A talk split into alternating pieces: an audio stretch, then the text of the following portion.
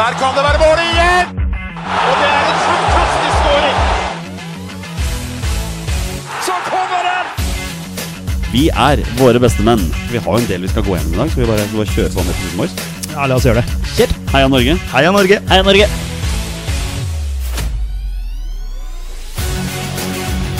Takk, Ole Gunnar Solskjær!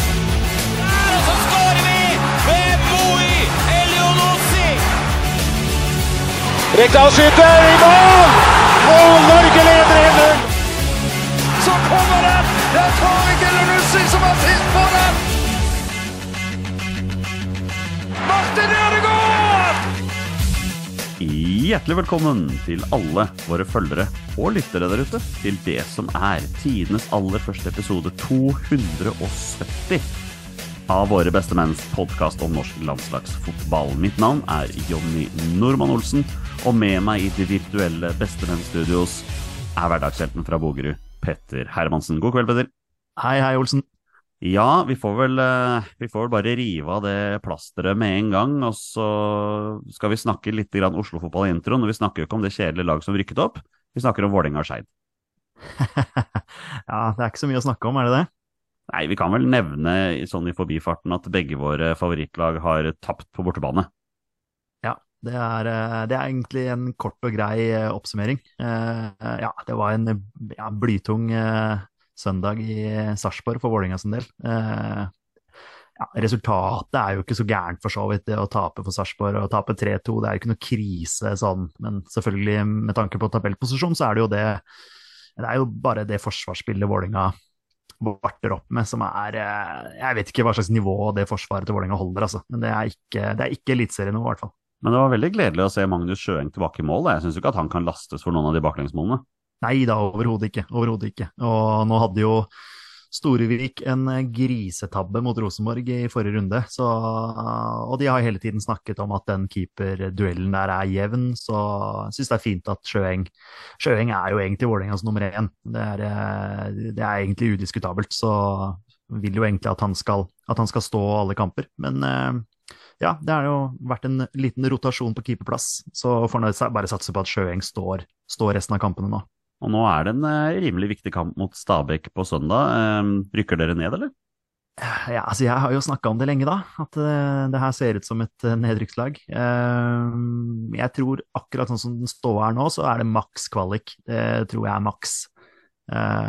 Så, så, jeg tror det er noe Det sitter mellom øra på de gutta der, og det jeg tror de skjelver før den Stabæk-kampen. For Stabæk kommer til Valle med, med selvtillit og, og, tro, selv om de tapte for Bodø-Glimt nå forrige, forrige match. Men Bodø-Glimt er Norges beste lag, det, de er vanskelig å slå. Så, så jeg tror uh, Vålerenga faktisk skal få kjørt seg litt mot uh, ja, Eggen Winge og Bakenga og de gutta der kommer til å skape litt kaos for det der porøse Vålerenga-forsvaret. Jeg må si at jeg misunner deg litt, for du har jo et lag som i hvert fall har noe å spille for. Altså Mitt lag har ikke hatt noe å spille for siden slutten av august, liksom.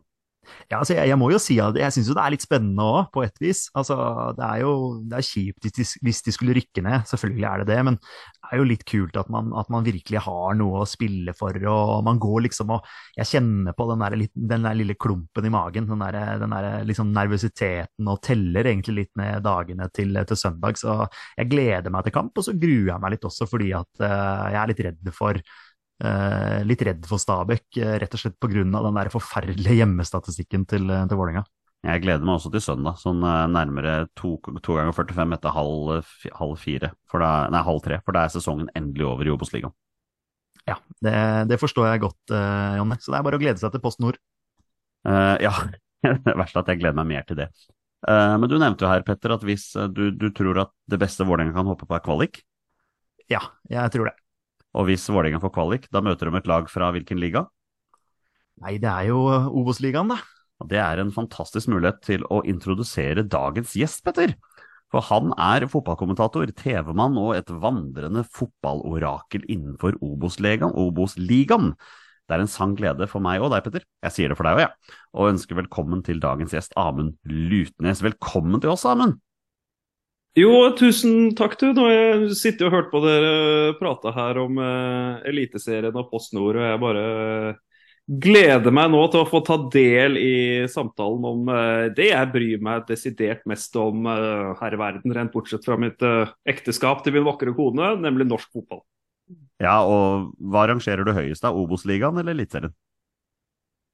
Du, jeg eh, Det er et utrolig vanskelig spørsmål. og Du kan til og med dra med Post Nord i miksen der òg, for jeg følger konstant med der òg hvem som eh, ligger an til å rykke ned og rykke opp fra, fra Post Nord-ligaen. Men jeg syns Eliteserien også er eh, kjempemoro. Jeg er jo såpass privilegert at jeg får lov å dra rundt og, og kommentere veldig mye i eh, Eliteserien. Og jeg syns det er like stas med Eliteserien som Obos-ligaen. Så jeg kan si 1-1.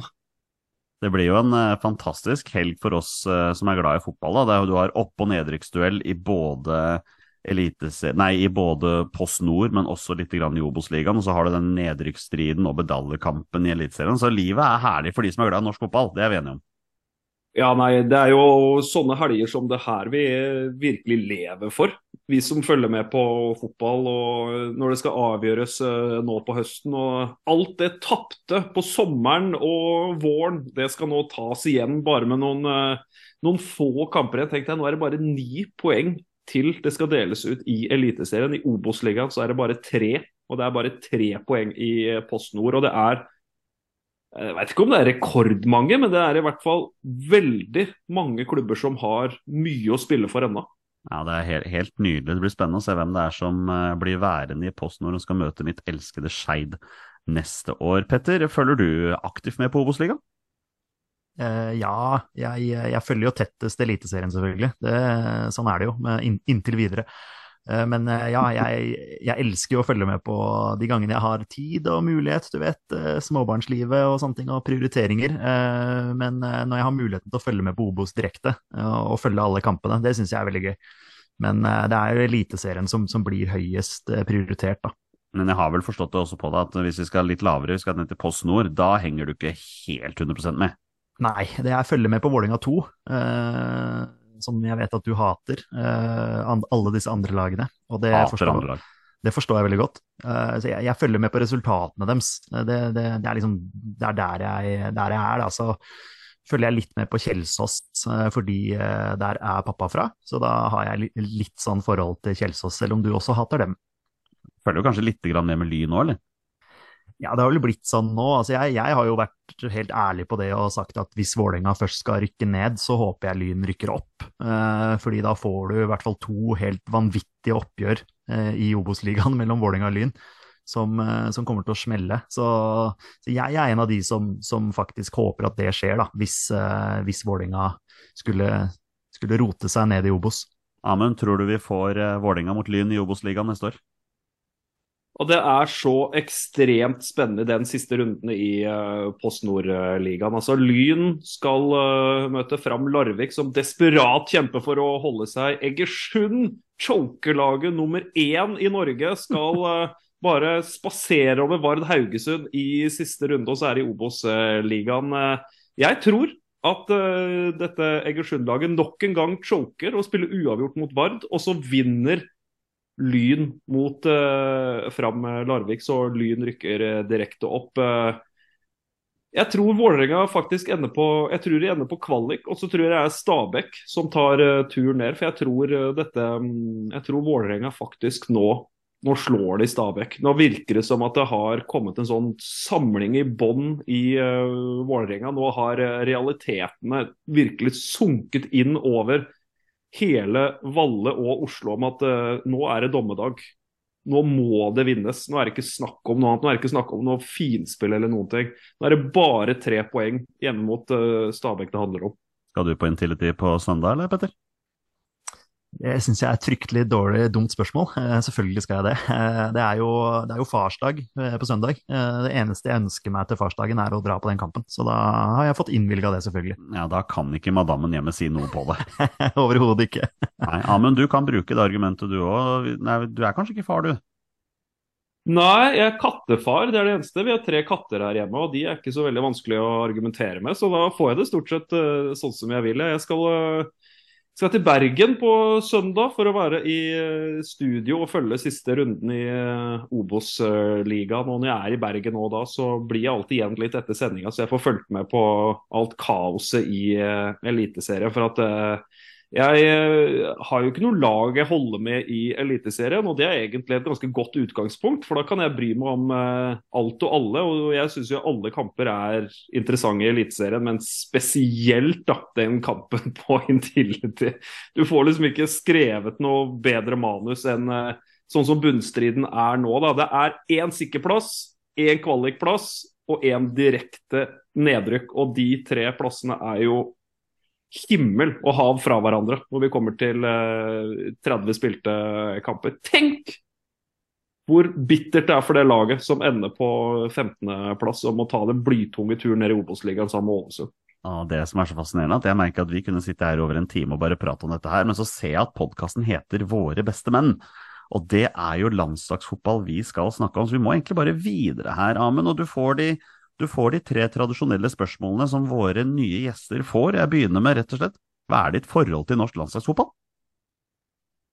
Nei, jeg følger med hver eneste gang landslaget spiller. Det er ikke alltid jeg får med meg alle, alle, kampene, men eh, jeg bryr meg veldig. Og jeg merker at jeg bygger opp en skikkelig stor entusiasme hver gang på en måte Norge er på vei mot noe. Så tar jeg den blytunge turen ned i kjelleren når det nok en gang eh, mislykkes, sånn som det har vært i den eh, kvaliken her. Den derre Skottland-kampen har jeg nesten ikke kommet meg over ennå. Det var et eh, det var, å, det var, som å, få to knallharde slag i trynet av Winnie Jones, altså. De to uh, måla de slapp inn på slutten her, det, det, var så tungt å svelge.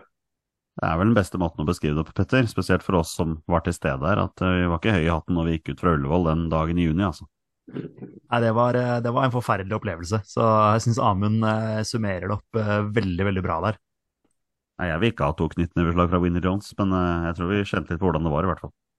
Ja, det, det føltes ut som det, de der to baklengsmåla på slutten her. Jeg ble, jeg ble totalt uh, sjokka. Gikk sånn helt ned i kjelleren. Så hadde jo Brauten hadde jo skåra 1-0. Det var på en måte et perfekt manus. Stikka av med en 1-0-seier hjemme mot uh, hjemme mot uh, overraskelseslaget Skottland i den gruppa der. da. Hvem pokker hadde trodd at dette Skottland-laget skulle slå Spania og slå, og slå, Norge og bare ødelegge hele kvaliken for Norge? For vi har jo egentlig ikke levert noe grusom kvalik, syns jeg. At vi taper to kamper mot Spania, greit nok. Og så kommer det et sånn dumt resultat nede i Georgia, og så er det den hjerneblødninga hjemme mot, uh, hjemme mot Skottland. Jeg skulle ønske at jeg var enig med deg, men samtidig altså det faktum at de eneste seierne vi har, er to seire mot Kypros, og så har vi nesten en heldig seier hjemme mot Georgia. Så jeg vet ikke helt om jeg er 100 enig i at vi egentlig har spilt en ålreit kvalik, men uh, det, ja, men resultat, Resultatmessig, da. Hadde vi vunnet nede i Georgia, hvor vi leda, og vi leda mot Skottland, da hadde vi hatt uh, ja, hjelp meg med matta her. Fem poeng mer enn ja. vi har nå. Og skulle inn til en superfinale nå mot, mot Skottland nå i november. Ja da, det er for så vidt sant. Det, det er sånn jeg kan snakke om som Skeid-supporter i år. og Hadde vi bare gjort sånn og sånn, så kanskje vi hadde berga oss. Men eh, vi, vi, var ikke der. Har du vokst opp med landslagsfotball, eller?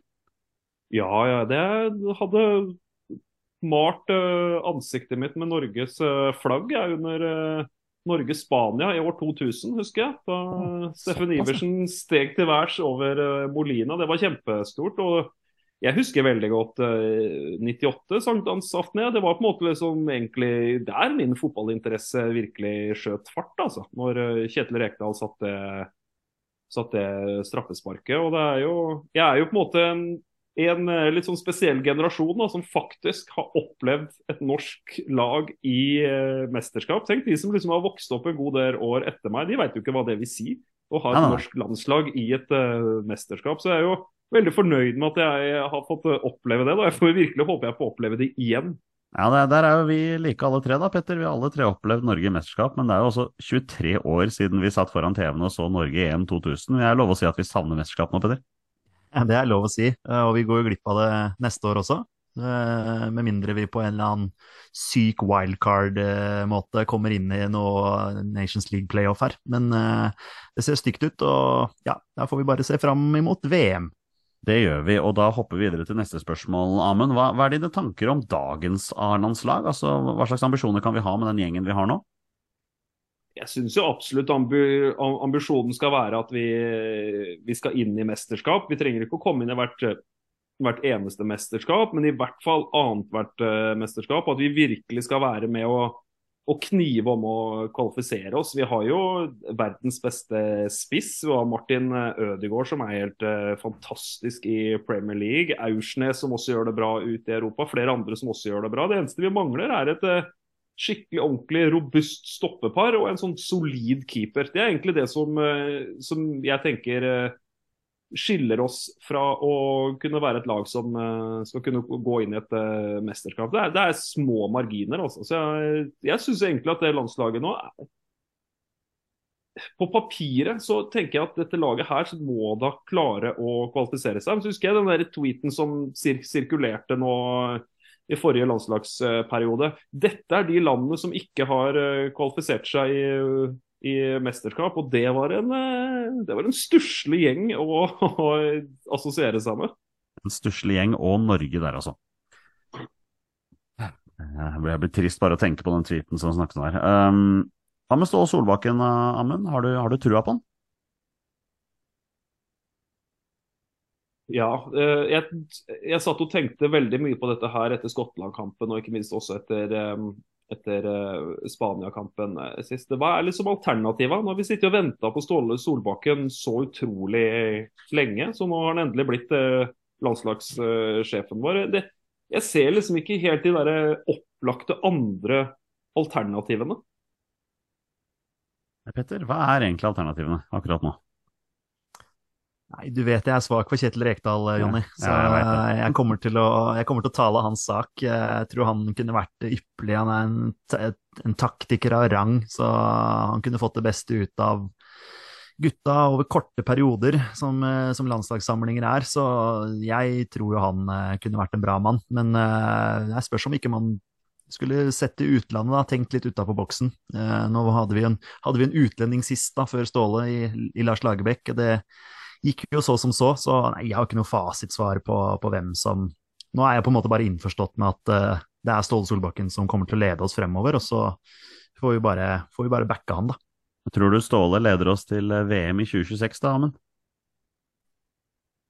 Ja, det, håpet mitt eh, er jo så absolutt eh, det. Og jeg mener vi har et godt nok lag til å klare å kvalifisere oss til, eh, til det VM. Og det er på en måte også min, min innstilling, er at Ståle Solbakken er vår landslagssjef også inn i den neste, neste kvaliken. Og har jo han også, også forlenga kontrakta også til, til det. Da. Jeg, jeg, tenker at han absolutt burde, burde få en, en, mulighet til. Men så er det jo så klart i denne, i denne mm, med landslag det er jo bare én en eneste ting som betyr noe, og det er jo resultatene.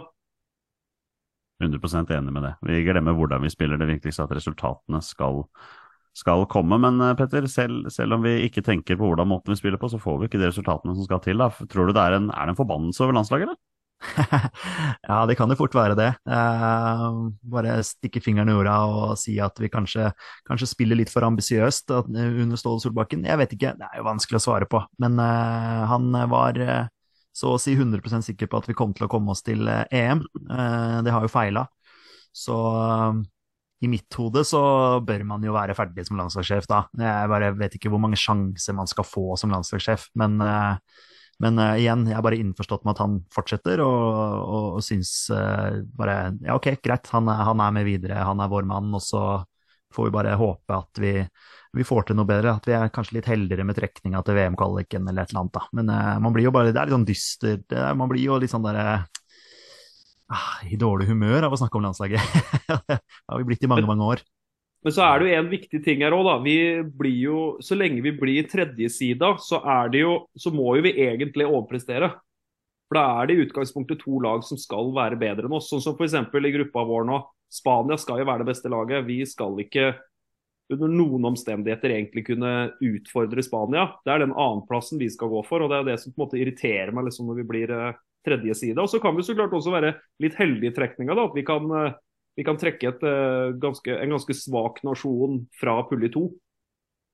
Der ser du også hvor uheldig, eller ikke uheldig, da, men hvor, hvor mye marginen gikk imot oss i Nations League også. Hadde vi bare tatt poeng hjemme mot uh, Serbia, så hadde vi vunnet gruppa vært sikra playoff og også hatt et høyere seedingnivå. Isteden så blir vi nummer tre og uh, Sverige Energi, som er at vi mister seks poeng der, så vi ender, detter jo helt ned på 25.-plass. så det, det, er lov å si at vi har marginer imot òg, men jeg skjønner jo folk som tenker at det jaggu meg nesten hviler en forbannelse over det norske landslaget òg, altså.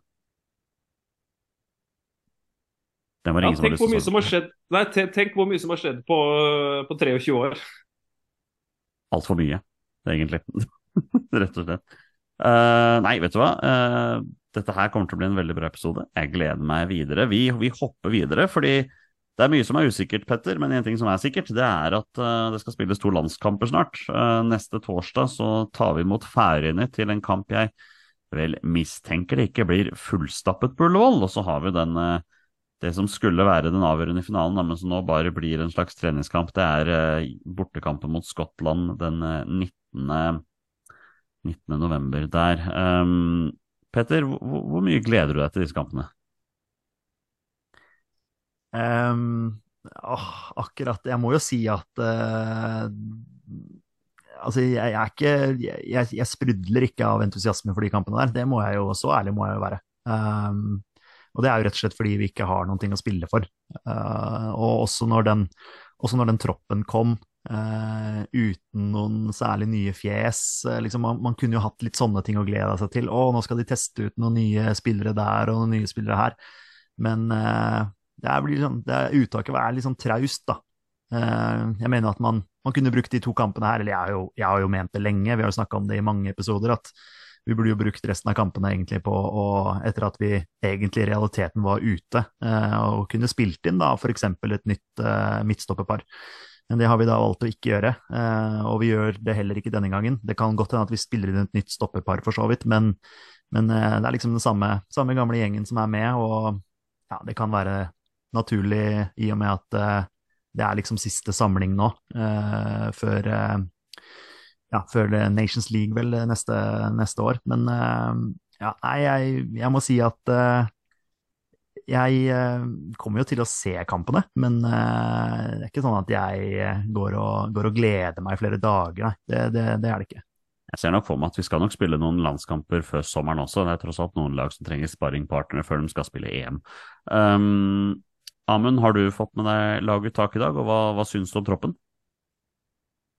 Jeg syns det var litt, eh, litt, kjedelig. Jeg hadde håpa at eh, Ståle kanskje skulle røre litt i gryta her, f.eks. F.eks. ta med Amal Pellegrino, f.eks. Et eller annet som på en måte kunne gjort det litt spektakulært inn mot de her eh, to kampene. Men, men på den annen side så, så, er det jo et veldig logisk uttak. Ståle må ta ut det beste laget han mener til enhver tid. De to kampene her er jo kjempeviktige for Ståle, Ståle Solbakken. Han må jo plotte inn to seire her nå, liksom, for å ta tilbake litt av æren for det som liksom har skjedd i, um, i kvalikene. Så for, for, landslaget sin del så er det jo kjempeviktig. Og ja, eh, David Møller Wolfe er jo en kjempespennende spiller for, uh, for fremtida, det. Som uh, mest sannsynlig nå kommer til å få, få, debuten sin. Men jeg hadde jo liksom håpa at han kanskje skulle skulle ta med en liten sånn joker, da, så det kunne blitt litt ekstra spennende i de, de kampene her, og hatt én sånn spiller man kanskje kunne sett frem til. og Da tenker jeg kanskje at det er eh, at det kunne vært eh, Pellegrino, men på en annen side også ville jo det sendt et merkelig signal da, også ta inn en 33-åring på landslaget. Det er jo litt interessant det han sier her, Petter. Altså, hvorfor skal David Møller Wolfe tas ut den troppen her hvis han ikke skal få spilletid? Han må jo få lov til å vise seg fram. Ja, det er nok en grunn til det, og vi har jo, ja, jo snakka han inn tidligere. Eh, så det er sånn sett gledelig at han, eh, han, er med. Så veldig, veldig spennende. Ja, igjen, da. Vi er jo, vi er jo gode vi er jo gode på backplass, eh, spesielt offensivt, da, kan du si. Så han er jo også en offensiv venstreback, da. Så veldig, veldig spennende. Så han får jo selvfølgelig får jo selvfølgelig en av disse kampene her. Starter jo sikkert mot, mot Færøyene. Men det er jo, Amund, vi har jo et potensielt veldig spennende framtidsretta offensivt mannskap her. Altså Oscar Bob er med, Antonio Nus er med, Osame Sarawi er i troppen her, selv om vi vet at det betyr at han sitter på tribunen. Um, altså, vi har jo noen spennende spillere som på sikt kan bli ordentlig gode.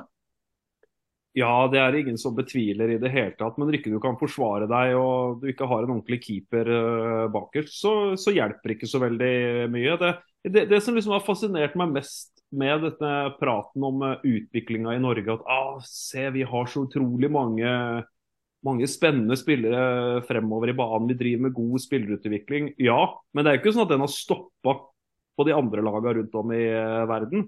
I Frankrike og Spania og alle disse landene der, så er det jo mye råere enn uh, Norge å få fra mange flere talenter enn en vi gjør her oppå, oppå og på bjerget vårt. Og det går nok sikkert litt på den sånn snakkisen sånn som det er i norsk media, hvor flinke vi er til å hype opp disse nye spillerne som, eh, som kommer inn. Og det tenker jeg liksom betyr én ting, da, hvor ekstremt sultefora vi er da på å få fram en ny sånn Messias da, som endelig skal føre oss inn i et, eh, inn i et mesterskap.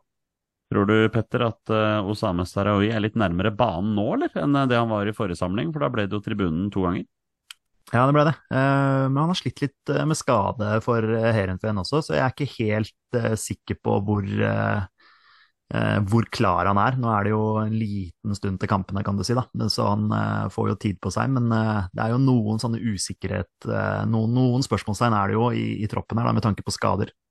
Ja, altså det er, det er, to ting vi må snakke om med denne troppen her før vi går videre nå, Petter. og Det første er jo hva skjer med Martin Ødegaard og Erling Braut Haaland? Altså, kommer, begge de to, kommer vi til å få se begge to på banen i løpet av de to kampene her, tror du?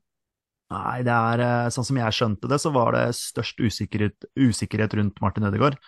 Uh, men du kan også ta med Ørjan Nyland i den uh, miksen der, for han er også ute med skade og ikke med for Sevilla mot, mot Arsenal. og sannsynligvis ikke med for Sevilla til helgen heller, så jeg at Petter Wæland hadde skrevet. Så så der er det også, også, usikkerhet, da. Så nei, altså Det er jo for så vidt ikke de viktigste kampene å ha med noen av de, sånn egentlig. Jeg, jeg er enig med Amund med tanke på for Ståle sin del og, og, og, få to seire og på en måte få snudd, snudd det norske folk litt igjen, da. Uh, så da vil man jo ha med sine beste spillere, og Martin Ødegaard og Erling Braut Haaland er jo åpenbart våre beste spillere. Så det er klart man ønsker at de er med. Uh, samtidig så kan det være andre, andre som får skinne. Uh, vi har jo gode spisser bak Braut Haaland også. Det, altså, om Braut Haaland ikke er med, så, så, blir ikke jeg lei meg hvis eh, Alexander Sørloth spiller på topp, eller om Jørgen Strand Larsen spiller på topp. Så det er jo Vi har jo noen gode spillere i bakhånd der òg, da. Amund, tror du folk som har planlagt å dra på Ullevål neste torsdag og se Norge mot Færøyene, river billetten i filler hvis Martin Ødegaard og Erling Braut Haaland melder forfall? Ja, Det vil jo være veldig kjipt. da. Det er jo alltid stas å få de to hjem til eh, landskampene våre på, på uh, Ullevål. og det er jo det er jo liksom den der faste, faste greia man sier. Vi veit ikke helt hvor stort det er at vi har de på, på landslaget vårt. For det er jo helt spinnvilt det Erling Braut Haaland eh, driver med rundt om i verden. Og at han er liksom vår egne superspiss. Og at han skal dra på seg den norske drakta, det betyr en, ekstremt mye for veldig mange. Jeg ser for meg det er veldig mange som skrur på uh, land, landskampen fordi de skal se på Erling Braut Haaland. Det er ikke det at de kanskje er sånn superinteressert i landslaget, men de har lyst til å se på Erling Braut Haaland. Det er alltid interessant med den der eh, setningen der at vi veit ikke helt hvor stort det er. For jeg er absolutt ikke uenig med deg. Petter, vi, vi har snakket om det før, at når vi etablerte den der gruppechatten vår i forbindelse med denne poden her, når når Braut Haaland begynte å herje for Red Bull Salzburg og Dortmund og sånn, så skreik jo vi nesten inn i chatten hver gang han skårte mål. Nå er det mer sånn ja, Haaland har skåra. Ja, nå, nå, nå, nevner vi det nesten ikke. Uh, vi, uh, jeg syns jo, jo, fortsatt det er kult at uh, flere av mine kompiser hørte om Erling Braut Haaland for første gang i den podkasten her. fordi flere hadde jo ikke, visste jo ikke hvem, hvem, gutten var i det hele tatt, men vi, vi snakka veldig tidlig om han. Eh, så, så det syns jeg er veldig kult. Men eh, nå har det bare blitt sånn ja, han er verdens beste spiss, uh, men vi klarer ikke helt å forstå egentlig hvor stort det er. Det er helt sant, det, altså. Så nå, nå er det bare sånn, ja, han skåret hat trick, ja, ok, ja, den er god. Han pleier å gjøre det, så det er liksom ikke så stort lenger, selv om det selvfølgelig er det. Det er jo, det er jo massivt. Vi har fått et par spørsmål fra våre lyttere. Vi har fått mange spørsmål fra våre lyttere. Vi skal ta et par av de nå før vi går videre. Bjørn Erik Skorge Uh, sier Ståle kan umulig være rett mann. Kvaliken er over, prøver ikke nye stoppere. Det er så lite framtidsrettet. Hvor blir det av Jesper Daland? Uh, Petter, han, uh, Ståle kommenterte at han har sett Jesper Daland spille, men han er da ikke med i denne troppen her, er ikke det? Er ikke det et litt sånn stusslig valg av Ståle, da? Burde ikke en spiller som potensielt er framtiden vår, få være med? Jo, og så spiller han jo fast i uh, Cercle, Bruges, jeg vet ikke hvordan man sier det. Men uh, han spiller jo så å si fast der, har jeg skjønt, så, og gjør, gjør, sakene sine bra der. Og, og, var jo en av de som kom inn som en sånn uh, holdt på å si reserveløsning da vi hadde litt forfall, var det forrige tropp, da. Så, så, han er jo helt klart på blokka, og, og helt klart en som, en som, burde vært med nå. Han burde vært med tidligere også og, og, og fått testa og, sånn. Eh, så ja, jeg er helt enig i, eh, i spørsmålet der, at eh, det er lite fremtidsretta, og man skulle brukt spesielt de to kampene her, også for de foregående kampene, på å få spilt inn nye folk. Det, det syns jeg er ganske åpenbart. Syns det er rart at ikke, man, at ikke man gjør det. Vi har også fått spørsmål fra Håvard Johansen her, Amund. Han sier at hvem tror dere er nærmest troppen hvis noen melder forfall? De mest aktuelle ut fra pressekonferansen virker vel å være Ødegaard, Nyland, Haaland og Gregersen. Er det er det noen spillere du kommer på her og nå, Amund, som tenker at han kommer til å være med i troppen hvis noen av de melder forfall? Og nei, det, og, det, er egentlig ikke noe sånn som umiddelbart jeg uh, kom på. Det eneste jeg alltid syns er så interessant, det er de som uh, skriker ut Nei, han må på landslaget! Nei, han òg må på landslaget! Ja, men hvem skal Ståle ta ut av troppen? da? Han kan jo bare ta ut eh, begrensa antall spillere til, eh, til hver tropp. Og en ting som kunne vært litt uh, kult, en sånn ekstra greie til landslaget, at her er uh, troppen, sier Ståle Solbakken. Her er de 26 spillerne som uh, jeg vurderte inn mot denne troppen, men ikke kom med. Som en sånn slags sånn boblerliste han la til ved siden av landslagstroppen. Kunne det vært noe, eller Petter? En, en bobleliste? Det hadde vært kult, det, da. Det, er, eh, det, hadde vært gøy å fått litt innsikt i det. Uh, når det kommer til de posisjonene, så så er vel liksom Viljar Myra var vel, var vel, nevnt også som liksom den første som kom til å komme inn hvis Nyland, uh, Nyland melder forfall, var det ikke så? Jo, jeg tror det var det de snakket om. Ja, og han er jo en av de som har vært inne, inne på landslaget tidligere, da. Og det er jo ja, dette er jo det der eh, keeperdiskusjonen også, da. Sant? At vi har dessverre ikke noen keepere ute i det store utland utenom Nyland, da, som, som, eh, som spiller fast. Eh, så har jo han Eh, spilt seg inn eh, på Sevilla, og selvfølgelig så blir han skada. Det er jo så klassisk. Eh, du snakker om forbannelse og landslaget, og det, den kan Nyland skrive under på der, tror jeg.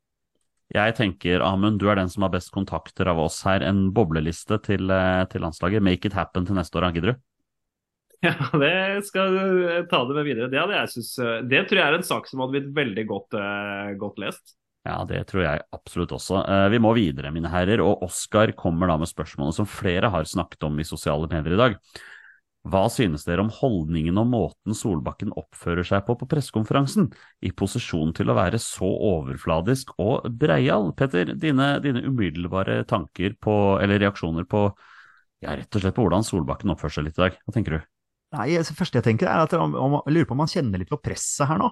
Eh, det er liksom den første reaksjonen min. Jeg skjønner at folk reagerer litt på at han eh, ja, har, er litt sånn derre Jeg vet ikke hva jeg skal kalle det for cocky, eller litt sånn der, Litt sånn hersketeknikker og sånn. Jeg vet ikke helt hvordan jeg skal forklare det, men, eh, men jeg reagerte litt også underveis der mens jeg, mens jeg fulgte med på, på pressekonferansen, at uh, han ja, virker som om man, man kanskje kjenner, kjenner, på litt mer press og litt mer stress eh, rundt uh, det å være landslagssjef. Da. Jeg vet ikke hva du tenker, Jonny?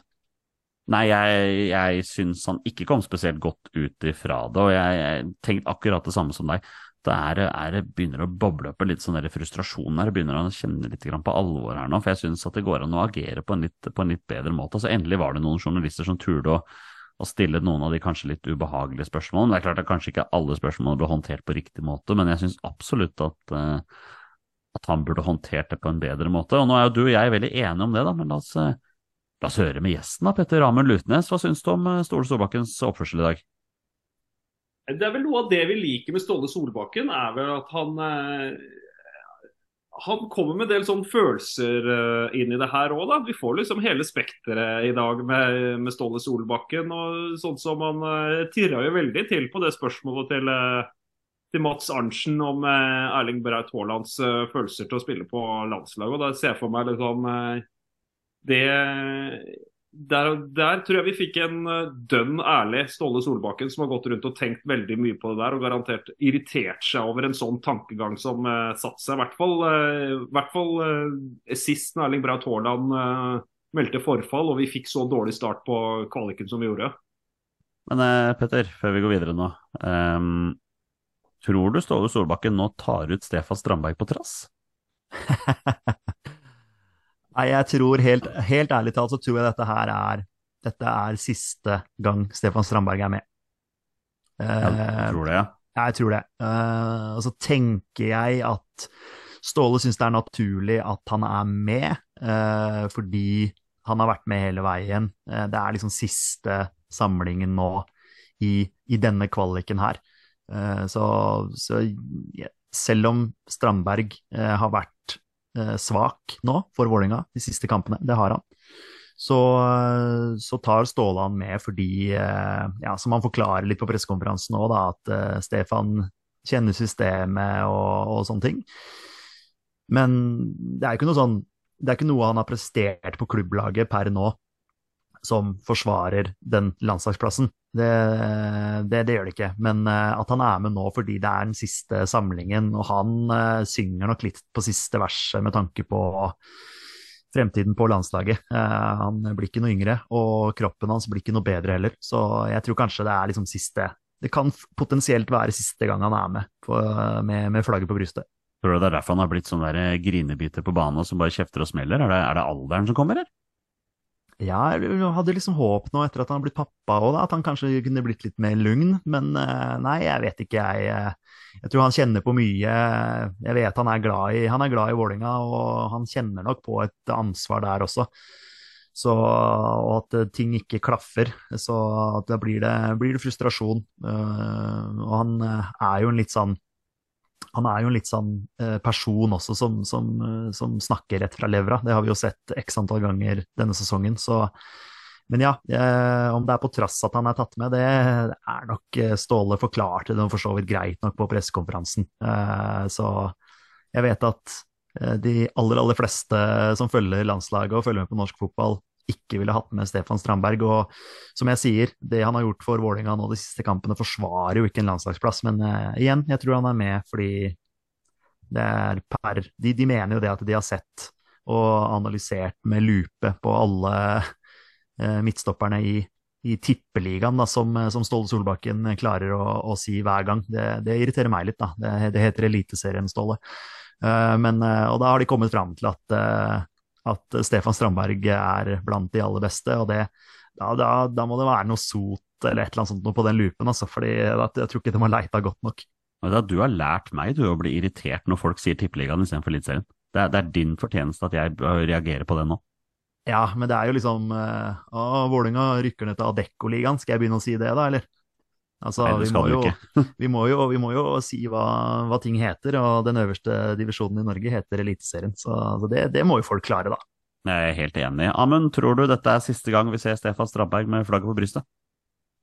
Ja, det meste tyder jo på det, da. Men eh, Ståle Solbakken tar jo ikke ut, uh, ut uh, Stefan Strandberg på, på, trass. Det tror jeg virkelig ikke. Altså, Ståle Solbakken tar ut det laget han mener er best skikka til å slå Færøyene og uh, og Skottland, så kan vi gjerne være uenige med tankegangen til, eh, til eh, Ståle, men han tar ut det laget han mener er best. Tror du for øvrig at uh, du som er glad i Obos-ligaen, Amund, tror du duellen i kampen neste uke blir Stefan Strandberg mot Johannes Bjartali? ja, tenk det. Ja, nei, tenk om vi har en, Når vi går ut i desember her, så har vi en, en landslagskaptein som spiller Obos-ligaen. Tenk deg hvor absurd det er. Det er nesten så man ikke vil tro det. Uh, men dessverre, Petter, det er mulig det blir aktuelt. Ja, det, det, det kan det absolutt bli. Så, men jeg tror, jeg tror, ikke han fortsetter på landslaget uansett, uh, jeg skal være helt ærlig. Det er uh, I hvert fall ikke hvis Vålerenga går ned til Obos-ligaen. jeg håper jo for så vidt ikke han fortsetter i Vålerenga heller, men det er en helt annen diskusjon. Vi går videre i programmet vårt, og nå har vi kommet til det som etter hvert har begynt å bli en fast spalte hos oss, Petter. Det er nemlig Drømmelaget. Og det er da hvor gjesten kommer med et drømmelag, hvor gjesten i utgangspunktet tidligere har valgt formasjon og premisser for spillerne sjøl, så lenge de har en eller annen form for tilknytning til norsk landslagsfotball. Men denne gangen, Amund, så har du fått en aldri så liten utfordring av meg. Du, vil, du, vil du fortelle litt om den utfordringen du har fått? Ja, du, jeg skulle sette opp et uh, drømmelag med unge spillere fra årets Obos-liga, som uh, vil få da minimum én A-landskamp for Norge. Det høres veldig Og- gøy ut. Ja, og det er jo på en måte Det er alltid vanskelig å se inn i spåkula og se hvem av de her som skal ende opp med en, eh, med en eh, A-landskamp. Men jeg, jeg kan jo begynne i mål. Der var eh, utvalget ganske skralt, må jeg si. Og der er, har vi jo allerede en landslagskeeper, vel å merke da på, på nivå. Jasper Silva Torkelsen i uh, Start er jo en uh, kjempespennende keeper som allerede har fått uh, veldig mye erfaring i Obos-ligaen. og kommer til å vokse på det også. En eh, vaskeekte Kristiansander som kommer fra, fra utviklingsklubb nummer én nede på Sørlandet, Vigør. I, eh, ja, I Forsvaret så er det også en uh, Hvilken formasjon har du gått for, Amund? Jeg går alltid på 3-4-3. Å, det er kult. Offensivt regner jeg med. Ja, jeg synes det er eh, Da får jeg, da får jeg med mest moro. Og det er viktig. Og de tre jeg har valgt i Forsvaret, det er um, Brage Skaret fra Fredrikstad. Er jo nåværende U-landslagsspiller. Har tatt uh, kjempesteg i Fredrikstad. Har uh, starten av sesongen så ble faktisk han uh, skippa ut av laget. Han har klart å kjempe seg tilbake på laget med spiller som uh, dessverre ikke ble, som ikke ble satsa på i uh, Vålerenga. Som jeg så på som et veldig smart kjøp av Fredrikstad i sin tid. og det Mhm. har jo vist seg, eh, vist seg bra i år. Mathias Tønnesen fra KFM Oslo har jeg døtta inn her. Han har jo hatt et kjempeløft i år. Må ta med det at KFM Oslo kvitta jo seg med hele forsvarsrekka si før, eh, før, før sesongen i, i år. Og en som virkelig har tatt opp hansken, er Mathias Tønnesen. Hvor det, hvor det allerede har vært interesse fra Eliteserien på, på han. Den eh, Neste spilleren han holder til i Bryne. Spilte Post Nordliga første halvdel på lån i eh, Levanger. Tobias Guddal er en Ah. eh, kjempespennende eh, forsvarstype som kanskje en gang i framtida får en eh, A-landskamp. Det er kult. Og så har jeg med to wingbacker. Han ene er innom U-landslaget nå. Litt usikker på om han ble tatt ut nå til troppen som kom nå, men det er Martin Helland i Kongsvinger. Det virker som en spennende wingback, back wingback-type. Mhm. På motsatt side så tok jeg en som eh, spilte Obos-liga første halvdel av sesongen. men ble solgt til Eliteserien. Jeg tenkte at da kvalifiserer det til plass på, eh, på dette laget her. Det er Anders eh, Hiv, som spilte i Sandnes Ulf, men som nå spiller i Sarpsborg 08. Kjempespennende backtype det også, som har god innleggsfot og ville med framover. Ja, Han venta jeg bare på at noen skulle plukke opp. Altså, Jeg ble litt overraska at det ble Sarpsborg, faktisk. Jeg så kanskje for meg at eh, jeg vet ikke, Kanskje jeg var litt ambisiøs og tenkte Viking der. Ja, og så er det jo alltid litt sånn hva man trenger akkurat her og nå. Og nå, på en måte sånn som Patinama f.eks. har jo tok jo seg veldig opp i Viking, men jeg ser for meg absolutt en uh, spiller som Anders Skien ble så klart uh, tøft vurdert der. Og så endte det jo med at uh, Sarpsborg uh, solgte Joakim Soltvedt til, uh, til, eh, til Brann. Så var det på en måte logisk å døtte inn Anders uh, Hima. En kjempesmart signering av Sarpsborg og hente en ung spiller i det som faktisk er litt uh, typisk den, uh, den Sarpsborg-troppen, at de egentlig har ganske mange eldre spillere som er på en måte 27 og oppover. Så det er jo smart signering av det, syns jeg, med han eh, Anders eh, Him. De to på sentral midtbane. Sondre Granås fra Mjøndalen, som virkelig har tatt eh, tak for dette Mjøndalen-laget i år. Kjempespennende type. Sønnen av sin far, Lars Granås, som eh, sikkert flere av oss eh, husker fra eh, Strømsgodset-tida. Han ser Også- utrolig spennende ut, han Sondre Granås, altså. Dæven Ja, gjør det. Kjempespennende type. Og så tok jeg med en spiller som dessverre ikke har vært så god i år, men som jeg syns var veldig god i fjor. Og det er eh, Markus Melkjord. Ja, Han har egentlig skuffa meg i år, men jeg ser liksom litt på meg at det er ikke bare pga. Melkjord. Det er litt pga. omstendighetene det også har vært denne sesongen. Han syns jeg var så god i fjor. Det er helt greit, du får lov til å si det selv om du er her hos oss nå. Jeg, jeg tåler det. Og så er det de tre på topp. Det var egentlig, egentlig det vanskeligste, syns jeg. Men det er eh, Spissen. Han også ble faktisk solgt i sommer, så er jo ikke nåværende, er jo ikke nåværende um, Obos-ligaspiller. Ble faktisk solgt rett til Groningen i Nederland. Christian eh, Strømland Lien, som var Ja. i eh, Mjøndalen, fra Flekkefjord av alle steder, nede på eh, Sørlandet. Det Bygda nede på Sørlandet som da har fått frem to skikkelige målskårere. Christian Strømland Lien fra Flekkefjord og Øyvind Gausdal, som banka inn, har banka inn mål i mange mange, mange år for Vindbjart. Legende. Virkelig en legende nede på eh, Sørlandet, som faktisk har én skåring i Eliteserien. Han fikk en uh, halvsesong i start. Det skal sies. Etter eh, veldig mye press fra lokalavisa Fedrelandsvennen gjennom, eh, gjennom flere år, så fikk eh, Øyvind Gausdal prøve seg i Eliteserien. Det var moro. Ja, men altså, Christian Lien Mjøndalen hadde jo aldri vært langt nede i sumpa som de er nå, hvis de ikke hadde solgt han, tenker jeg. Nei, det, det tror jeg ikke. altså. Han Så stor og sterk spiss. Så god til å avslutte. Var et eh, skup av uh, Mjøndalen. Altså. Så henta han fra Fløy nede på Sørlandet. Ja, fikk godt betalt for den nå, tror jeg. Fikk vel et par mil? Mener de fikk Jo da, og så har de, så vidt jeg forsto, også en eh, OK videresalgsverdi. Ja, spennende.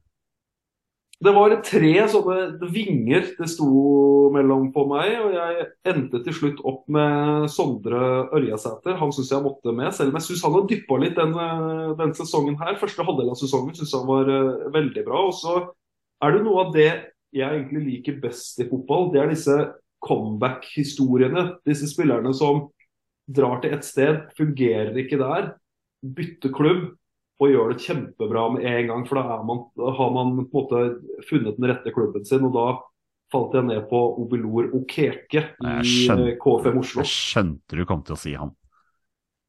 Måtte jo bli han. synes jeg, jeg han fortjener en plass på det laget. her. Han har vært kjempegod for KFM Oslo i år.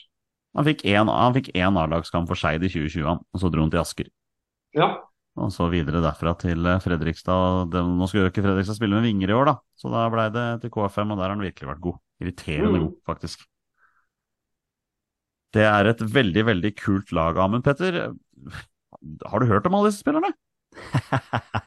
Eh, Dønn ærlig, nei. Eh, jeg har hørt om flere av de. Eh, det, det har jeg selvfølgelig. Det, men eh, det var noen der som jeg eh, ikke kjenner så godt til. Skaret i Forsvaret der kjenner jeg jo godt til da, via Vålerenga, selvfølgelig. Så, men ja, kult, eh, kult å høre Obos-oraklet gå gjennom eh, potensielle fremtidige A-landslagsspillere.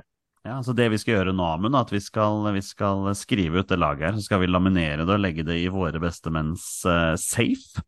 Og så tar vi fram det om noen år, og så ser vi hvordan det står til med disse unge folka her nå. Det er i hvert fall noen her som har ordentlig potensial, så det er et veldig spennende lag du har satt opp, altså. ja det er ikke utenkelig at eh, kanskje en av de her får seg en uh, A-landskamp. Det er jo umulig å vite, så klart. Men eh, ja, kanskje én, eksempel, da. Ja, men altså, det er vel nesten, nærmest nesten skrevet i stein at hvis ikke Sondre Ørjasæter blir landslagsspiller for Norge, da tror jeg det er noe galt, for han på sitt beste er jo altfor god for Sogndal i Obos-ligaen. Ja, det er, eh, det er min tanke òg, men så veit man ikke om han er eh, god nok for, for nivået over det. Og ikke minst også, da, så skal du ta enda et hakk ekstra hvis du skal ut på den internasjonale scenen. Det er veldig sant. Og så dabbet han jo av når han spilte i Lyn. og Det var først når familien flytta til Stryn og det ikke var noe annet å gjøre enn å spille fotball at han blei god. Så det neste, neste lagvalget hans må være til et sted som det ikke er så veldig mye annet å gjøre enn å spille fotball. Så blir det Molde, da. da. Ja, men det er ikke, det er ikke noe utenkelig link, det. altså. Sogndal-Molde har vi jo sett, eh, har vi sett mange ganger. Ja, og det var omtrent like spennende begge byene, så det er jo ikke så mye annet å gjøre enn å spille fotball der. Åh, nei, jeg er, eh, jeg syns det er så stas hver gang jeg, hver gang jeg er i Sogndal. Altså, at det er et eh, eventyr av et lite sted i, i Norge. Altså, det er så, når du er i Sogndal, så er det liksom som at du går rundt i et sånt postkort. Jeg har vært på, har på samtlige Skeid-kamper i år, både, både hjemme og borte på tribunen. Bortsett fra én, jeg kom meg ikke til Sogndal, for da var det flom. Så da, da regna veien sammen, så det er litt bittert å tenke på at når sesongen er over, så er det kun én Skeid-kamp jeg ikke har fått vært på, det var Sogndal borte. Og det var en tur jeg virkelig hadde sett fram til òg. Så det er nesten ekstra surt å høre du fortelle om hvor, hvor koselig det er der. Ja, Sogndal er veldig flott, altså. Har du vært i Sogndal, Petter? Nei, men eh, det får være eh, på bucketlisten eh, når Vålerenga går ned i Obos-ligaen, da. Du har allerede gitt opp, du. Nei, altså Det har jo vært en forferdelig sesong, så man, man blir jo litt negativ. Men jeg skal på kamp på, på søndag og håper selvfølgelig at vi slår tilbake. Ja, vi sier tusen takk, Amund, for det veldig veldig kule drømmelaget. Det lagrer vi, og så hopper vi videre. Vi har fått haugevis av spørsmål fra lyttere, så vi må bare hive oss ut dette. Du får den første her, Amund. Den er fra Bjørn Rudshagen. Hadde Solbakken vært like grå som Lagerbäck, hadde han fått mer kritikk da? Mm. Ja, det er jo et uh, betimelig spørsmål. Nei, Ståle har jo på en måte en, uh, en litt sånn egen stjerne i norsk uh, media. da. Han har på en måte en litt lengre lunte å gå på enn de aller fleste. Men til slutt så er det ikke noe mer igjen av den lunta. Og det du, det du til slutt blir målt på, er jo resultater. Men så har vi Ståle Solbakken nå. ikke sant? Han engasjerer seg i så utrolig mye forskjellig som engasjerer positivt. da, Sånn som hele dette med, med Qatar f.eks. Hvor han som en av veldig få landslagssjefer rundt i, rundt i Europa faktisk uh, gikk ut og sa sin uh, klare mening om. Hva tenker du da, Petter? Hadde, hadde Solbakken fått mer kritikk hvis han var en Lars Lagerbäck Light? Hvis han var traust som, som Lagerbäck?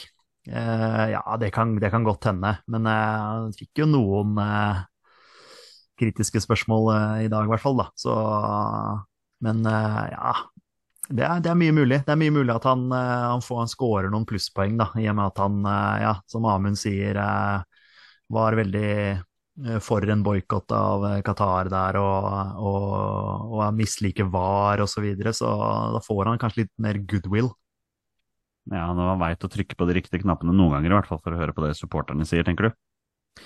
Ja, mulig. Ja, så er det jo igjen, som Amund sier, at det er, jo, det er, jo, resultater som vi må måle ham på. Da. Det er greit at han, eh, han har noen gode verdier osv., men uh, han er landslagssjef, og hans uh, jobb og mål er å få Norge til mesterskap. Det har han feila mm, to ganger nå, kan du si. Den, selv om den der forrige kvaliken var litt sånn, den var litt rar, med tanke på at vi spilte Eh, hjemmekamper på bortebane, og det var eh, covid og det var eh, et rart opplegg. Så har han jo feila der, og også feila i EM-kvaliken nå. Så siste mulighet er den VM-kvaliken, altså. Hvis ikke det går, så er det bare på huet og ræva ut. Jeg blir veldig overrasket hvis du får ny, ny kontrakt da. Det må være lov å si. Um, Eh, Sigurd, eh, også kjent som soneforsvar, er en av våre faste lyttere. Eh, Petter, kan dere spekulere i hvorfor Glesnes og Daland ikke får sjansen selv i ubetydelige kamper? Hva mener dere om disse spillerne? Altså Jesper Dalen har vi jo snakket en del om nå. Også Jakob Glesnes vet jo er en, er en spiller jeg er veldig glad i. Jeg følger MLS ganske tett. Tror du, tror du Glesnes hadde hatt noe å gjøre på landslaget? Ja, altså det er, det er, du som må svare på, egentlig. Eh, det er du som, som, det er, du som er, følger MLS tett og, og, er oppdatert der. Så jeg, eh, jeg, vet ikke hvordan han presterer der. Det er det du som gjør. Eh, ja. Når det gjelder Daland, så er jo han en av de, de, de kommende landslagsstjernene potensielt, da, som, som, jeg mener burde vært med, vært med tidligere spiller fast i Belgia, som sagt, og, og, og, gjør sakene sine bra der, sånn som jeg har forstått det. Så at han eh, åpenbart burde vært med, egentlig for, eh, for, noen tropper siden også, for å da eh, kunne spille han inn, da, eh, når vi da i ganske lang tid nå har vært ute av den kvaliken her. Sånn egentlig, ja, jeg vet at det har vært teoretiske muligheter osv., osv. Sånne halmstrå som man Eh, som man holder fast i. Men eh, jeg tror at, eh, sånn som Ståle sier på pressekonferansen i dag, og at en av grunnene til at Strandberg er med, er at han kjenner systemet osv. Ja, men hvordan skal da nye folk lære seg dette systemet hvis ikke de får muligheten til å være med? Så man burde jo brukt spesielt de to kampene her, også foregående kamper, jeg gjentar meg sjøl her, men til å fått inn disse potensielle midtstopperne primært, da. Eh, sånn at de fikk lært seg systemet, lært seg måten å spille med, med flagget på brystet. Og så kunne vi da inn mot neste kvalik igjen vært eh, enda bedre skodd, da.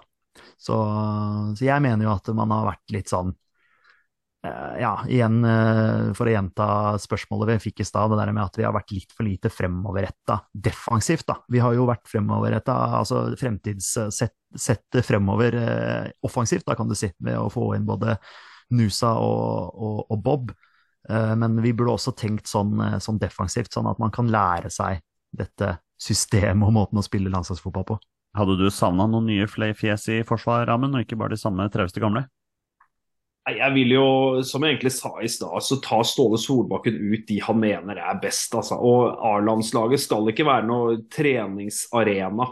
Jeg tenker at det er de beste vi har tilgjengelig til enhver tid som skal være på dette som skal være på dette A-landslaget for at man skal vinne de to neste kampene. Og så drive og tenke langt fremover i tid med et eh, A-landslag, det tenker jeg at det ikke har noe, har noe for seg. For at du driver og planlegger hvordan A-landslaget skal se ut om fem år, det er jo ikke sikkert å ha jobb engang som A-landslagssjef. Det er jo liksom akkurat det samme som i, som i klubblag. Da, liksom hvor hvor eh, mange supportere blir irriterte for at A-lagstreneren ikke bruker, uh, bruker, de unge spillerne og slipper til de unge. Men det er jo rett og slett for at denne, denne A-lagstreneren han er på en kontrakt som har en utgangsdato. Noe, han, er ikke, han, er ikke, fast ansatt i, i, i kommunen og så sier du usparkelig. Det, er, det må vinnes. 100% enig med deg, og det syns jeg er veldig viktig å få fram det at for landslagsfotball handler ikke om, om spilleutvikling eller hvordan man spiller, det handler om resultater. Og der har vi ikke fått nok ennå, man får en siste sjanse når neste kvaliken er. Eh, Doktor Farma har sendt inn tre spørsmål her, Petter, og vi tar det ene. Eh, Berg og Berge har ikke vært gode nok som ankere med få nøkkelpasninger fremover i banen. Hvorfor tas ikke Selnes med Norges beste pasningsfot ut? Tanker? Det her må være en Rosenborg-supporter, eller? Eh, jeg tar vel utgangspunkt i ja på det, eller? Ja, Selnes eh, har jo ikke vært, har ikke vært kjempegod for Rosenborg nå etter at han kom tilbake. Det er, eh, det er, i hvert fall det jeg har sett av han, så har ikke han virka, virka sånn veldig sharp. Han har jo sagt det sjøl også, at han, han, trenger litt tid på å komme, komme ordentlig i kampform. Eh, da jeg så ham på Valle eh, for, noen, eh, ja, for et par runder siden, så, så, var det ikke sånn at jeg tenkte at å, shit, Ole Selnes må på landslaget. Så det, er liker Ole Selnes og også syns han har gjort det bra for, for, Norge tidligere. Så han har jo en veldig, veldig fin venstrefot. Men, men, bortsett fra det, så er det ikke noe sånn nå hvor jeg tenker at, at han eh, forsvarer en plass på, på A-landslaget. Det, det, tror jeg ikke. Men vi får se da, vet du, neste, neste sesong om han kommer i ordentlig, ordentlig kampform. Om han, i, om han, er i, nærheten da. Vi får se ved neste korsvei. Eh, Amund, neste spørsmål får du. Jørn Henland Skøyen. Hvis Nyland fortsatt er skadet når landskampene skal spilles, hvem vil dere ha i mål? Hvem vil du ha i mål, Amund? Jeg tenker Egil Selvik, jeg. Ja. ja, enkelt og greit. Han, han vil jeg satt inn. Jeg har på en måte likt litt det jeg har sett av eh, Egil Selvik. Jeg syns han eh, har en litt sånn presence i feltet. og så tror jeg også dessverre Dyngeland er noen centimeter eh, for liten. Altså. De, de har Egil Selvik. Hva tenker du Petter, er det, er det Sten Grytebuss på vei tilbake? Nei, altså nå spiller uh, Dyngeland for uh, uh, andreplassen i Eliteserien. Uh, så jeg ville jo sett han i mål, da. Eh, egentlig mest basert på det, at uh, han spiller for et topplag i Eliteserien. Uh, men jeg liker Egil, Selv Selvik også, han har vært en av Haugesunds beste spillere. Så åpenbart Selvik der. Men jeg får gå for Dyngeland, jeg, da, i og med at Amund gikk for Selvik. Du vet at Dette var, skulle jo egentlig være Mats Henestad Christiansen dette, vet du, når vi snakket for et år siden, men det har ikke gått like bra for han. Det skulle være Claesson, det skulle være Hedenstad Christiansen. Eh, så jeg kan bare skyte inn live her at eh, Erling Braut Haaland har skåra for City på straffe mot eh, Young Boys. Eh, så han, eh, han, er tydeligvis eh, fit da, og spiller, så veit dere det. Det registrerer vi i en fotnote, sånn som vi har begynt med nå. ja. Og bare så vidt fått det med oss. Um, André Øyvåg lurer på hvem ville dere sett i kampen mot Færøyene som ikke er med i denne troppen. Har vi ikke vært litt innom det, Petter? Uh, ja, jeg ville hatt, uh, hatt med Dalan. Uh, ja. Er, ja. når vi er i den situasjonen vi er nå, og, og sånn, ja, jeg, landslaget skal ikke være utviklingsarena og sånne ting. Jeg er for så vidt enig i det, men når vi ikke har noe å spille for, så har man en ypperlig mulighet eh, til å få spilt inn nye folk, da. Nå er det ikke sikkert at Stefan Strandberg kommer til å spille de kampene her. Eh, nå kan det jo hende at man faktisk bruker de kampene her på å spille inn Østegård og Ajer, da. Som, eh, som, eh, som vi egentlig har snakka om i, i, flere år skulle være vårt, eh, vårt stopperpar, stopperpar på landslaget. Nå spiller jo Ayer mest back eller på høyresiden i en treer for, for Brentford, så, så han er ikke så vant til i gåseøynene å spille med en toer, da. Altså som, som en av to stoppere. Så, men ja, nei, Daland er liksom den første, i og med at vi har hatt de stopperproblemene, stopperutfordringene som, som det vi har, da, så det, er det Daland som er liksom min, min mann. Eller så er jo ja, offensivt så ser det jo egentlig ganske bra ut, da. Det, såpass ja, ærlig må det jo være. Ja, det gjør det. Ja, men er det noen du tenker at uh, du skulle likt å sett sjansen, som ikke er tatt ut? Mm. Jeg skulle bytta statsborgerskap på han der eh, Grønbekk oppe i Bodø-Glimt. han er god, ass. Han er det, god, ass. Det hadde vært noe. Du vet at uh, til neste år, når Grønbekk er solgt for sånn 150 millioner, så er det han der Nuno Sugelli eller et eller annet som begynner å herje i Eliteserien for Bodø-Glimt. Ja, og ikke minst også Jeg følger jo Sandefjord uh, ganske tett, og jeg liker jo veldig godt det jeg ser han Jeppe Kjær ja, jeg tror det jeg likte best med Jeppe Kjær, var det når han glemte at han ikke skulle juble når han skårte borte mot Bodø-Glimt. ja, da er, du, da er, du, in the game, altså, for å uh, sitere EA Sports. Det er, uh, det er, herlig å se at det betyr så utrolig mye der og da. Det er jo akkurat sånn idrettsglede som vi liker. Det er første gang Petter, vi har hørt noen referere EA Sports i den podkasten her. Ja, det, det, det likte, jeg, likte, jeg, veldig godt. Det, det, setter jeg pris på. Ja, den er solid, altså. Den er fin. Uh, Daniel Johansen har et spørsmål til hele gjengen. Kommer guttene til å spille Eliteserien i 2024? Ja, guttene, da ser jeg for meg han refererer til Sandefjord. Ja, jeg vil tro det, ja.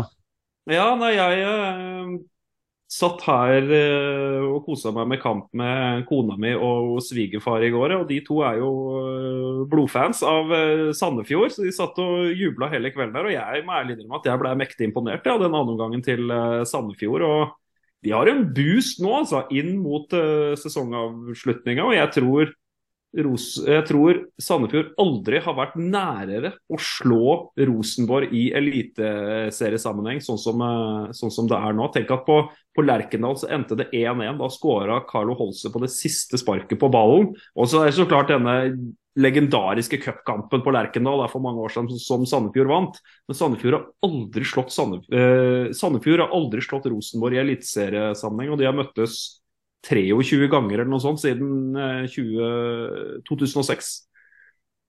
Nei, De får ikke en større mulighet nå, sånn jeg tror vel alle spissene til Rosenborg er ute også. Så ja, at, så, Ole Sæter fikk jo tre kampers karantene, så han er ferdigspilt for uh, sesongen nå. Ja, ja. Var det en fortjent karantene, eller, Petter? Tre kamper der? Ja, det er jo sånn idiotoppførsel, da. Så ja. jeg syns det er helt, eh, helt, fair. Han har jo selvfølgelig ingenting uh, ut på banen og, og, dytte, og så kan man jo selvfølgelig skjønne at han reagerer og, og sånn, men uh, jeg syns også det er helt fair, helt innafor at han får at han får straff og at den er på tre kamper, det er jo ja, direkte rødt kort for voldelig oppførsel. Det er jo, det er jo helt fair, det. Nå veit jeg at du og Daniel er Leeds-supportere begge to, så du er kanskje ikke den rette mann til å spørre om det her. For, men kommer eh, Sandefjord til å spille Eliteserien i 2024? Eh, ja, jeg svarte på det før Amund. Jeg, jeg, jeg skøyt bare inn ja, jeg. Uh, jeg ja. tror de kommer til å gjøre det. Jeg tror igjen at det står mellom Vålinga og Stabæk uh, for å kapre den der kvalikplassen. Men selvfølgelig, jeg kommer til å heie på Rosenborg mot Sandefjord. Sånn er det jo. ja, det er jo sånn det er når man er nede i gjørma der. Han har også tre litt mer personlige spørsmål til deg, Amund, så du skal få det ene av meg her. Hva er de tre beste spisestedene i Sandefjord?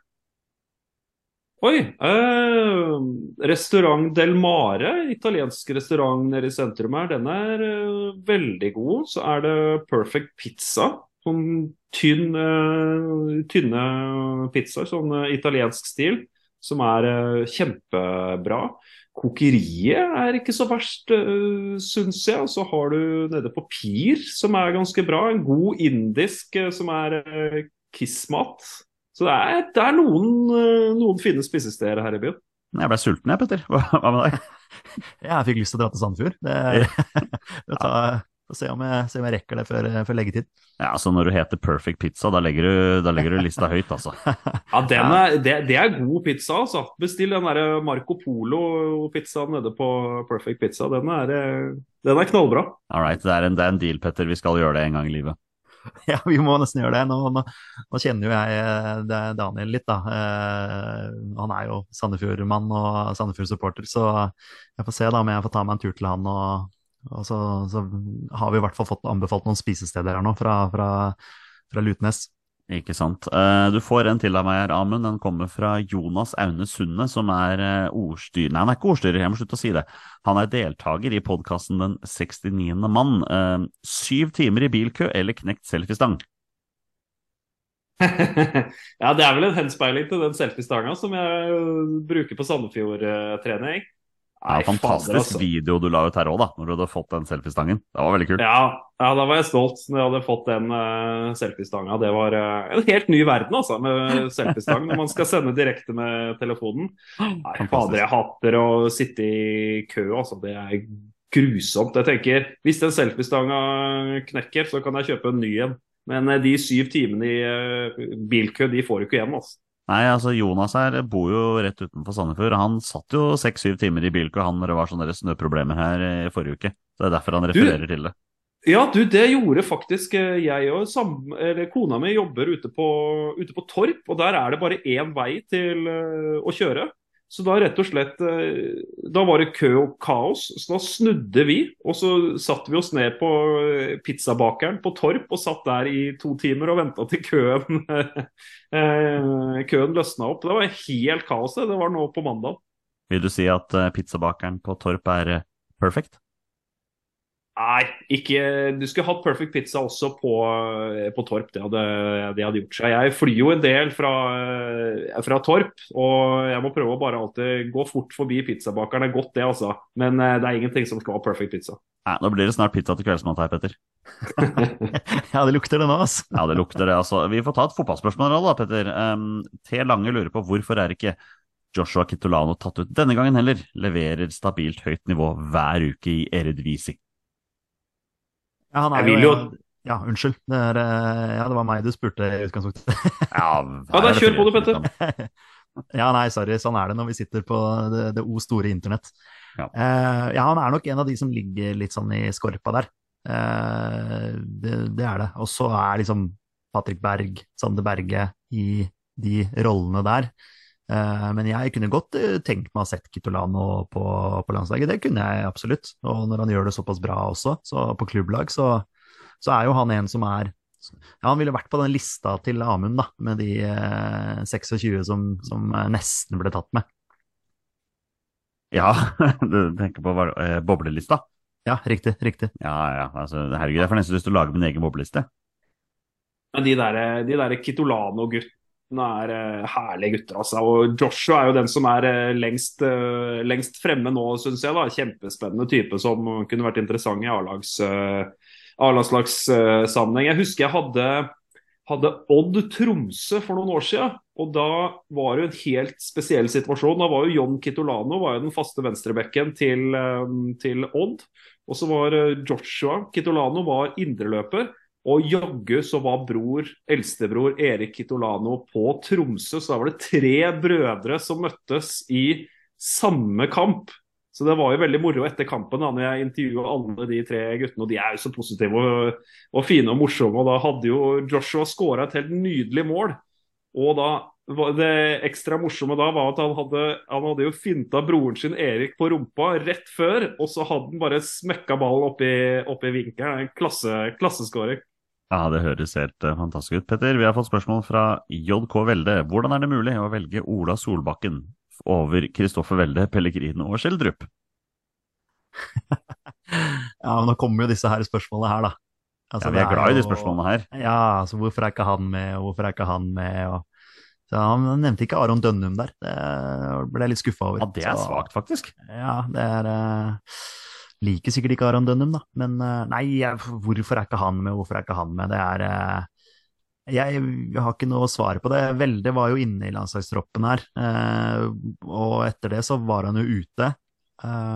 Vet ikke om, han, om de da har sett han i trening, treninger på landslaget og tenkt at dette her, her må, du, her må du hjem og jobbe.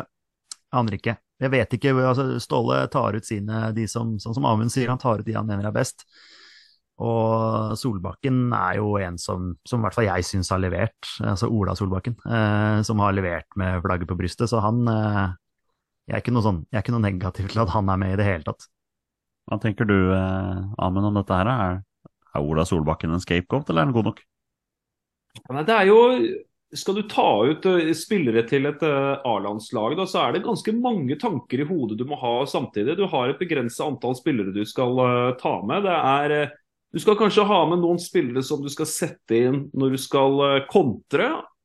Og så bør du kanskje ha en spiller du kan sette inn som skal holde litt på ballen ute på kanten. Så masse sånne avveininger som man eh, tar. Og ikke minst også også personlige ting. da, Hva slags eh, personlighet er det som kommer inn i gruppa? Kanskje den og den spilleren ikke passer inn i gruppa, mener, eh, mener Ståle Solbakken. Ja, kanskje, kanskje, ferdighetene er der, men det er ikke eh, akkurat det denne gruppa her trenger. og Det er jo det på en måte som må være det desidert vanskeligste med å være en landslagstrener òg. Altså at du kan bare ta ut et visst antall spillere. og I noen posisjoner i Norge så er det jo faktisk en del valgalternativer. Ja, men det er litt sånn som det vi snakket om i noen tidligere episoder òg, Petter. At det handler jo ikke bare om fotballkvaliteter, det handler jo også om hvordan du passer inn i gruppa. Det, altså, og det å skape en dynamikk i gruppa, det er eh, alfa og mega, det. Jeg tror det er ekstremt viktig. Det, er, eh, det tror jeg er kjempeviktig. Eh, selvfølgelig ferdigheter Ferdigheter trumfer alt, men hvis du ikke har liksom det ja, sosiale på plass, da kan du si at du, du går godt i gruppa, så eller kanskje du ja, skaper, skaper, dårlig stemning i gruppa. Da. Det, sånne spillere vil man jo ikke ha, verken på, på klubb eller landslag. Så, så, jeg tror det er ekstremt viktig. Ja, ja det tror jeg nok det er eh, liten tvil om. Um, vi tar det siste spørsmålet her nå. Amund, du skal få svar på dette her. Kommer fra vår faste lytter Olai Årdal. Fortell meg hvorfor man skal sette seg ned og se de to nokså ubetydelige landskampene som venter oss. ja, nei, det er jo uh, muligheten til å se uh, Erling Braut Haaland da, komme nærmere skåringsrekorden til uh, Jørgen Juve. For nå begynner Erling Braut Haaland virkelig å, å nærme seg. Oskar Bobb er jo en morsom spiller å se. da. Møller Wolfe, kanskje han kaprer venstrebekken og gjør den til, til sin. Martin Ødegaard, en mulighet til å, å se på, på nært hold på Ullevål. eller eller se på skjermen. Det er jo alltid mange gode grunner til å se en, eller, til, til å se en, eh, til å se en landskamp, men uh, vi har jo på en måte liksom ikke den der edgen nå, da. Vi har jo ikke den der at dette betyr ekstremt mye. Nei, du har for så vidt rett. det, Petter, har du lyst til å svare på spørsmålet til Olai? Uh, hvorfor skal vi sette oss ned og se de to kampene? Du får muligheten til å se tidenes mestskårende nordmann fra La Liga, Alexander Sørloth må jo, må jo, hylle han for det. Du må jo bare få ta det sånn mens vi holder på her, at han eh, har nå skåra 21 mål i eh, La Liga og er da mestskårende nordmann. Så, så, det må vi jo applaudere. Så det er jo en mulighet. Du får Ja, Møller Wolfe kan jo være interessant å få sett, da, i og med at han er en av de ja, han er den nyeste i den, i den troppen som vi, som vi, ikke har fått sett før. Så det er jo alltid spennende. Kanskje vi får se en annen, eh, annen keeper i mål, da. Kan jo også være litt interessant. Så ja, igjen, jeg skal jo se kampene, men eh, ja, det hadde vært Jeg syns personlig det hadde vært enda mer eh, interessant hvis det hadde vært flere som hadde muligheten til å få landslagsdebuten, da.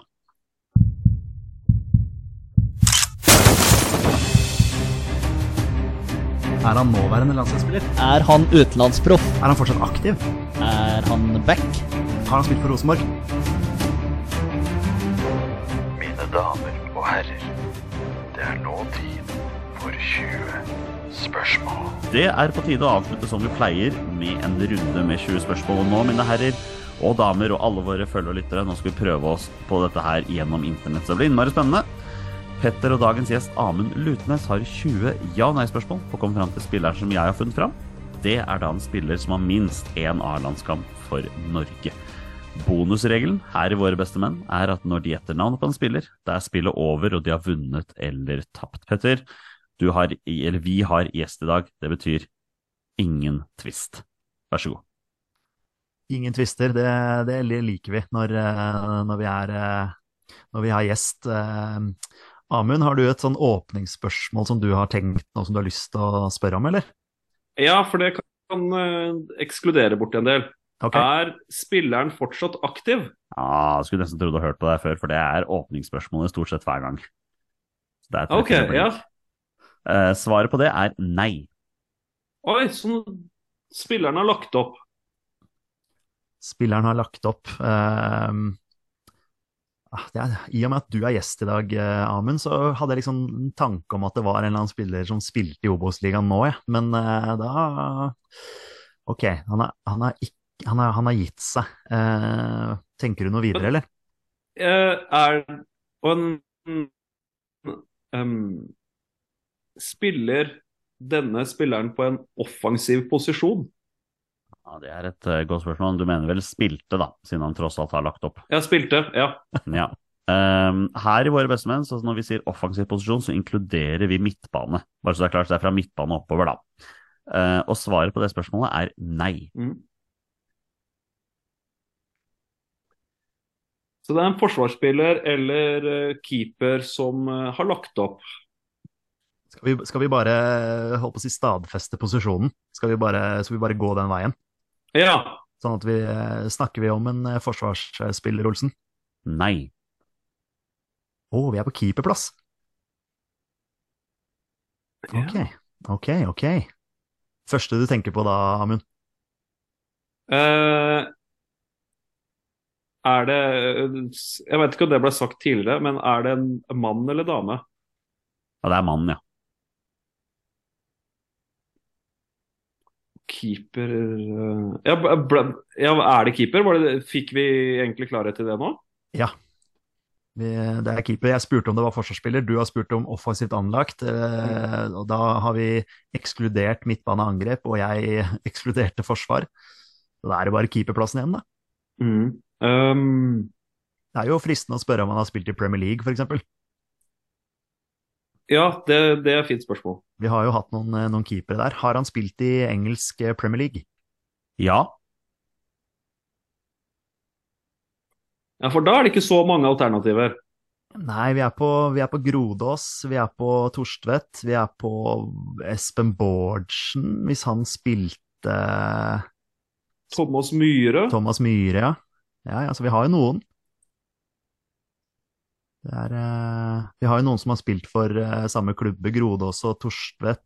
eh, Nyland fikk vel aldri noe Premier League-kamper? jo, jo, det, jo, jo, men han er fortsatt aktiv, da. Ja, sant, sant, sant. sant. Han Men, er uh, utelukka. Ja, han er utelukka sånn sett. Uh, skal vi se, men Grodås og Torstvedt For Grodås var vel også i Tottenham en liten periode, var han ikke det, da? Uh, ja, han er jo et av alternativene her. Um... Det er lett å utelukke, da, hvis vi Det er, det er jo ikke så mange, som du sier. er det, det kan godt hende det er flere enn de vi har prata om her nå, da. Det er jo det som er, er skummelt her. Men jeg føler vel liksom har vært innom de fleste keeperne, ja. Og fått én eh, Det er jo en virkelig dypvannsfisk, liksom hvis det er sånn Espen, eh, Espen Bårdsen er med. Han er faktisk usikker på om vi i det hele tatt fikk en A-landskap. det, det tror jeg han gjorde Nå ble jeg litt usikker sjøl, men, men i og med at du er gjest, Amund, og, og, og, og har den Obos-ekspertisen som du er Thomas Myhre er jo eh, coach i, i Moss. Det kan jo fort være han, altså. Ja, det Vi kan det- jo bare spørre direkte. Er det Thomas Myhre? Nei, jeg tror ikke vi skal gå den veien helt eh, nå, for hvis vi, hvis vi får nei på det, så har vi tapt, vet du. Og har vi ikke 20 spørsmål, da? Jo, men hvis du- det- hvis dere gjetter navnet på en spiller, det er spillet over uansett. Å ja, sånn ja. Ok, Ja. greit. Ja, ja, Så ja, dere må være enige om navnet på spilleren. Ja. Så det går Her an å, Her, her blir det mye klippearbeid for deg. Nei, det her går fint, jeg bare kjører på det. Men vi kan, vi kan jo Ja. vinkle oss inn på Thomas Myhre, da. Det kan du få gjøre. ja eh, Avsluttet eh, denne spilleren eh, karrieren i Kongsvinger? Ja. det kan jo ikke være noen andre da. Nei, det, det går jo an å spørre om han er hoved... For han er hovedtrener for Moss, er han ikke det? Ja, Det er jo bare, vi, vi spør om det. Er han hovedtrener for Moss, eh, Jonny? Ja. Da, da har vi en Lutnes. Er det den nåværende hovedtreneren til Moss? Eh, ja. Nei, men da er vi vel egentlig enige, er vi ikke det? Ja, bare kjør på, du. Ja, vi svarer, jeg og Petter svarer herved med to streker under svaret Thomas Myhre. Gutter? Det er Thomas Myhre. Det er helt riktig. Moro. Dere klarte den, vet du. Um, fordi Amund Lutnes, du er vel født i Moss, er du ikke det? Ja, born and raised. Jeg fikk til og med hilsen i bryllupet mitt. Jeg, fra, jeg gifta meg med for litt over en måned siden. og Fikk jeg hilsen fra Thomas Myhre. Og der har du referansen, Petter. Fantastisk. Eh, gratulerer med bryllup, ja. Det er jo, Jo, hyggelig. hjertelig takk. Eh, men ja, Thomas Myhre, det var, det var gøy. Det måtte være en Obos-link her. Det måtte jo det. Jo, men som, som du veit, jeg prøver jo å finne en link Prøver noen ganger å finne en link mellom gjesten og, og, ehm, og spilleren. Og nå er det sånn at når Amund Lutnes er født i Moss, så er det naturlig at nåværende hovedtrener i Moss får den, altså. Ja, den, er, den ja. traff, du, traff du godt på. Jeg jobba jo faktisk for faren til Thomas Myhre i eh, Moss. Han drev en uh, Rema-butikk som jeg jobba på. Petter Myhre. Ikke, ikke den, Petter Myhre. Nei, faktisk ikke den Petter eh, Myhre. Men det husker jeg var så, var så stas når jeg, når jeg jobba på Rema der, for inne på kontoret så hadde han eh, alle draktene til Thomas Myhre. Og det som var veldig morsomt med karrieren til Thomas Myhre, han var jo rundt på veldig mange forskjellige steder. Han var jo utrolig mange utlån, så Thomas Myhre hadde jo en kjempekul karriere. Ja, han har vært litt overalt. Petter, du har vel til og med truffet Eller du har sett ham på en fly på flytur?